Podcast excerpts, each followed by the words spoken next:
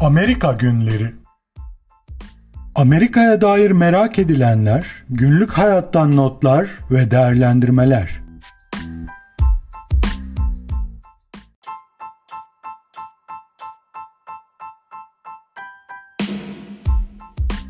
Evet tekrar merhaba. Amerika Günleri Podcast'in Korona Günlükleri 11. bölümüne hoş geldiniz. Geçen bölümde Amerika Birleşik Devletleri'nin nasıl giderek ikiye bölündüğünü hemen hemen her alanda yani günlük hayatta, siyasette, medyada her fikirde bir şekilde ikiye bölünmenin ve sadece hani bölünmekle kalmayıp aynı zamanda kutuplaşmanın getirdiği bir takım gerilimden doğan şiddet olayları işte bölünmüştük. insanların artık birbirlerine daha böyle nefretle bakması ve ister istemez ortaya çıkan şiddet olaylarında da artık karşı tarafın da e, yani biraz daha şiddet dozunu artırdığını gördüğümüz bir sürece girmiş olduk. Bu aslında beni açıkçası endişelendiriyor.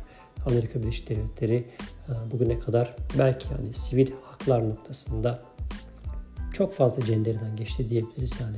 Özellikle siyah Amerikanların vakti zamanında Kızılderililerin e, bir takım haklara kavuşmaları geç oldu denilebilir. E, sancılı oldu da denilebilir. Ama ilk defa sadece renkle veya sadece kimlikle bağlı olmadan bir başkan veya bir siyasi parti veya bir seçim sürecinde insanların bu kadar bölündüğünü kimse görmedi diye bir yorum duydum geçenlerde. Yani bu ben bu yorumu yapabilecek ne kapasitedeyim ne de böyle bir e, hani Amerika'ya dair bir bilgi birikimim veya hani yaş itibariyle zaten böyle bir konumum yok. Ama dinlediğim kadarıyla, medyadan takip ettiğim kadarıyla böyle bir bölünmüşlük söz konusu. Bu aslında iyi alamet değil. Zaten Amerika zor günlerden geçiyor. Korona zaten başlı başına Amerika'yı hani çökerten demeyelim ama sarsan bir süreç oldu. Hala daha Amerika ayaktaki korona sürecinde insanlara yaptıkları yardımlar ve hala daha devam eden işsizlik maaşı veya bunlara ilaveten e, maddi yardımlar, destekler şirketlere yapılan yardımlar hatta hesabı yok yani paranın ucu bucağı yok yani para noktasında sıkıntı çok bu ülkenin ama e, sarsıntı noktasında yani insanların günlük hayatlarını sürdürememeleri belki belli iş alanlarında eski rahatlarını veya kalitelerini standartlarını sürdürememeleri insanları belli alanlarda zorladı diyebiliriz. Şimdi buradan şuraya geleceğiz. Hani kötü günler geçiriyor dedik ya Amerika. Bir de başımıza bir hurricane çıktı. Yani bu da Güney eyaletlerin bir kaderi sanki.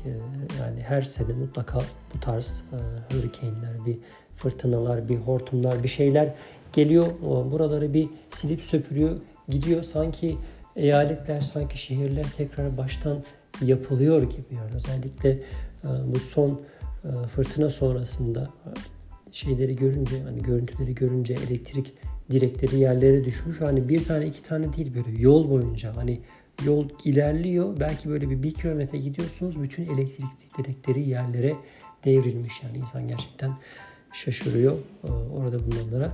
E, Allah yardım etsin diyelim ki çoğu zaman bu eyaletler e, bu bu tip şeylerde, durumlarda önceden haber verdikleri için o bölgeleri boşaltıyorlar ve ölüm sayıları bu nedenle az oluyor fakat maddi hasar çok büyük oluyor.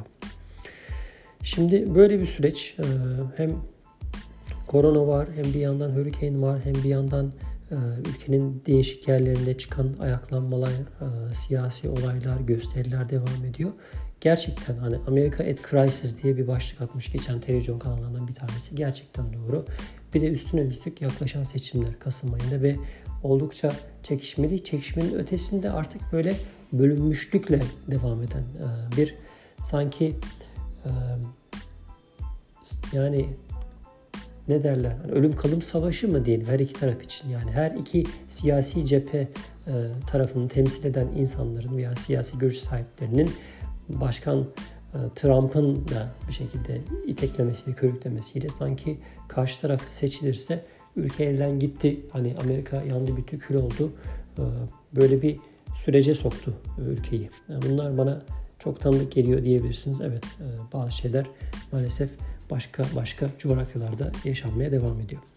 Şimdi gelelim korona ile alakalı e, gündemleri. Korona ile alakalı şöyle bir gündemimiz var.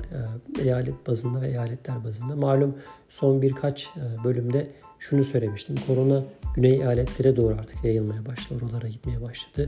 Kuzey eyaletlerde, kuzeydoğu eyaletlerde özellikle Maine ta Amerika'nın en kuzeyi doğusunda yer alan bir eyalet. Böyle artık e, vaka sayılarının artık hiç neredeyse sıfır e, düzeyine indiği günler geçirirken güneyde eyaletlerde e, vaka sayılarının arttığına şahit oluyoruz. Bana bu bile bile lades gibi geliyor. Yani siz bu hadisenin New York'un ne kadar ciddi anlamda sarstığını, yerle bir ettiğini, bu yoğun bakım ünitelerinin insanlara nasıl yetersiz kaldığını gördünüz. Buna rağmen Güney eyaletler göz göre göre böyle bir e, hadiseyle karşı karşıya kalmaları aslında çok e, üzücü bir durum. Yani bunda yine çok fazla Trump'tan söz ettim ama yine Başkan Trump'ın yine payı var ki daha hadise özellikle bu kuzey eyaletlerde yani New York'ta, e, Massachusetts'te, New Jersey'de buralarda hani daha yeni yeni korona kontrol altına çalışılırken e, Başkan Trump eyaletleri açmaktan söz etti ve eyaletleri açarken ilk açmaya kalkan eyaletler güney eyaletler oldu ki aslında bu eyaletler tam önlem almaları neredeyse kuzey eyaletlerin amansız bir şekilde hazırlıksız yakalandıkları süreçte onların o önlemlerle kendilerini aslında bir nevi garanti almaları imkanı varken bunlar eyaleti veya e, okulları veya işte işler, iş yerlerini tekrar açma e, yönünde bir eyleme giriştiler ve çok ciddi bunun faturasını şu anda yaşıyorlar. Florida çok ciddi anlamda, Texas şu anda çok ciddi, Kaliforniya yine oralara sıçramış durumda. Bunun cezasını yaşıyorlar. Yani belki ee, insanlarla alakalı da bir durum var. Tatil yöreleri olmasının bir sebebi olabilir. Kuzeyden güneye giden insanlar, akın etmiş insanlar getirmiş olabilir de denebilir. Ama şu anda Massachusetts olsun, Maine olsun, şu an New Jersey'de mesela bu anlamda kontrol altına almaya başlayan eyaletlerden. Yani bu bölgeler New York zaten bu hadise yani ciddi ciddi e, bitirdi, bitirme noktasına getirdi diyebiliriz yani. Şimdi ne oluyor? Ee, Massachusetts eyaletinde mesela şu anda okulların açılması gündemde okulların açılmasını isteyen bir grup var, istemeyen bir grup var. Ee, governor yani vali açılmasını istiyor. Her gün daha doğrusu her gün aslında açıklıyorlar hani kaç tane ölüm var, kaç tane vaka var diye. Bir de harita düzenlediler.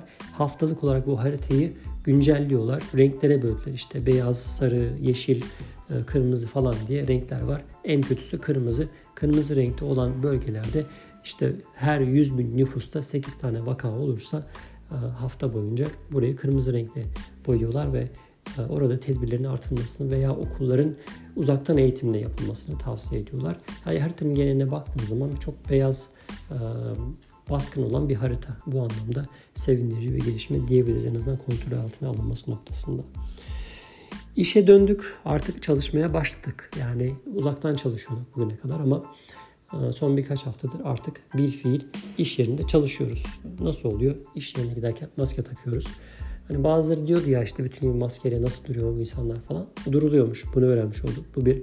İkincisi iş yerine gitmeden önce e, iş yerine bir form dolduruyorsunuz. Hani bugün işte sabah kalktığımda öksürmüyorum, ateşim yok, işte şu belirtiler yok işte veya Covid hastalığı olan birisiyle temasa geçmedim, şu şu şu e, şeyler bende yok diye bir form dolduruyorsunuz. Ondan sonra iş yerine gidiyorsunuz. Aksi takdirde eğer herhangi bu belirtilerden, semptomlardan birisi sizde varsa iş yerine de gitmiyorsunuz. Gitmemeniz tavsiye ediyor. En kısa zamanda e, Covid testi almanız tavsiye ediliyor ki eğer negatif çıkarsanız tekrar iş yerine dönebiliyorsunuz. Bunun dışında mesela dişçiye gittim geçen günlerde. Dişçide yani ister istemez maskeyi çıkarmak zorundasınız ama dişçiye gelirken öncesinde veya tam girdiğiniz esnada form dolduruyorsunuz yine. Orada da o formu doldurup hiçbir belirtiye sahip olmadığınızı yazmanız gerekiyor ki sizi e, tedavi edebilsinler. Yani hayat yavaş yavaş normale dönmeye başlıyor önemlerle birlikte. Benim e, bununla alakalı tek ekleyeceğim şey e, işsizlik maaşı ile alakalı mesela bir süreç vardı. Bir ara işsizlik maaşına ilaveten insanlara yardım etmek amacıyla bu süreci daha hızlı atlatabilmeleri amacıyla 600 dolarlık haftalık 600 dolarlık bir ek yardım yapılıyordu işsiz kalanlara. Bu Temmuz ayı itibariyle bitti. Temmuz ayı sonu itibariyle kesildi. Bununla alakalı demokratlarla cumhuriyetçiler arasında bir tartışma vardı. Bir yere varamadılar. En sonunda Trump adım attı. Kendisi e, eyaletlerle, eyaletlerin yönetimleriyle bir anlaşmaya varacağını, eğer eyaletler bunun yüzde 25'ini karşılarsa kendisi de %75'ini koyacağını gibi bir şey söyledi. Şu an mesela Massachusetts eyaletinde 300 dolarlık bir yardım yapılıyor, yapılacak. Daha doğrusu insanlara bu süreçte Covid sürecinde ikinci bir destek planı olarak haftalık olarak 300 dolar ilave bir işsizlik maaşına katkı yapılacak. Böyle bir durum var.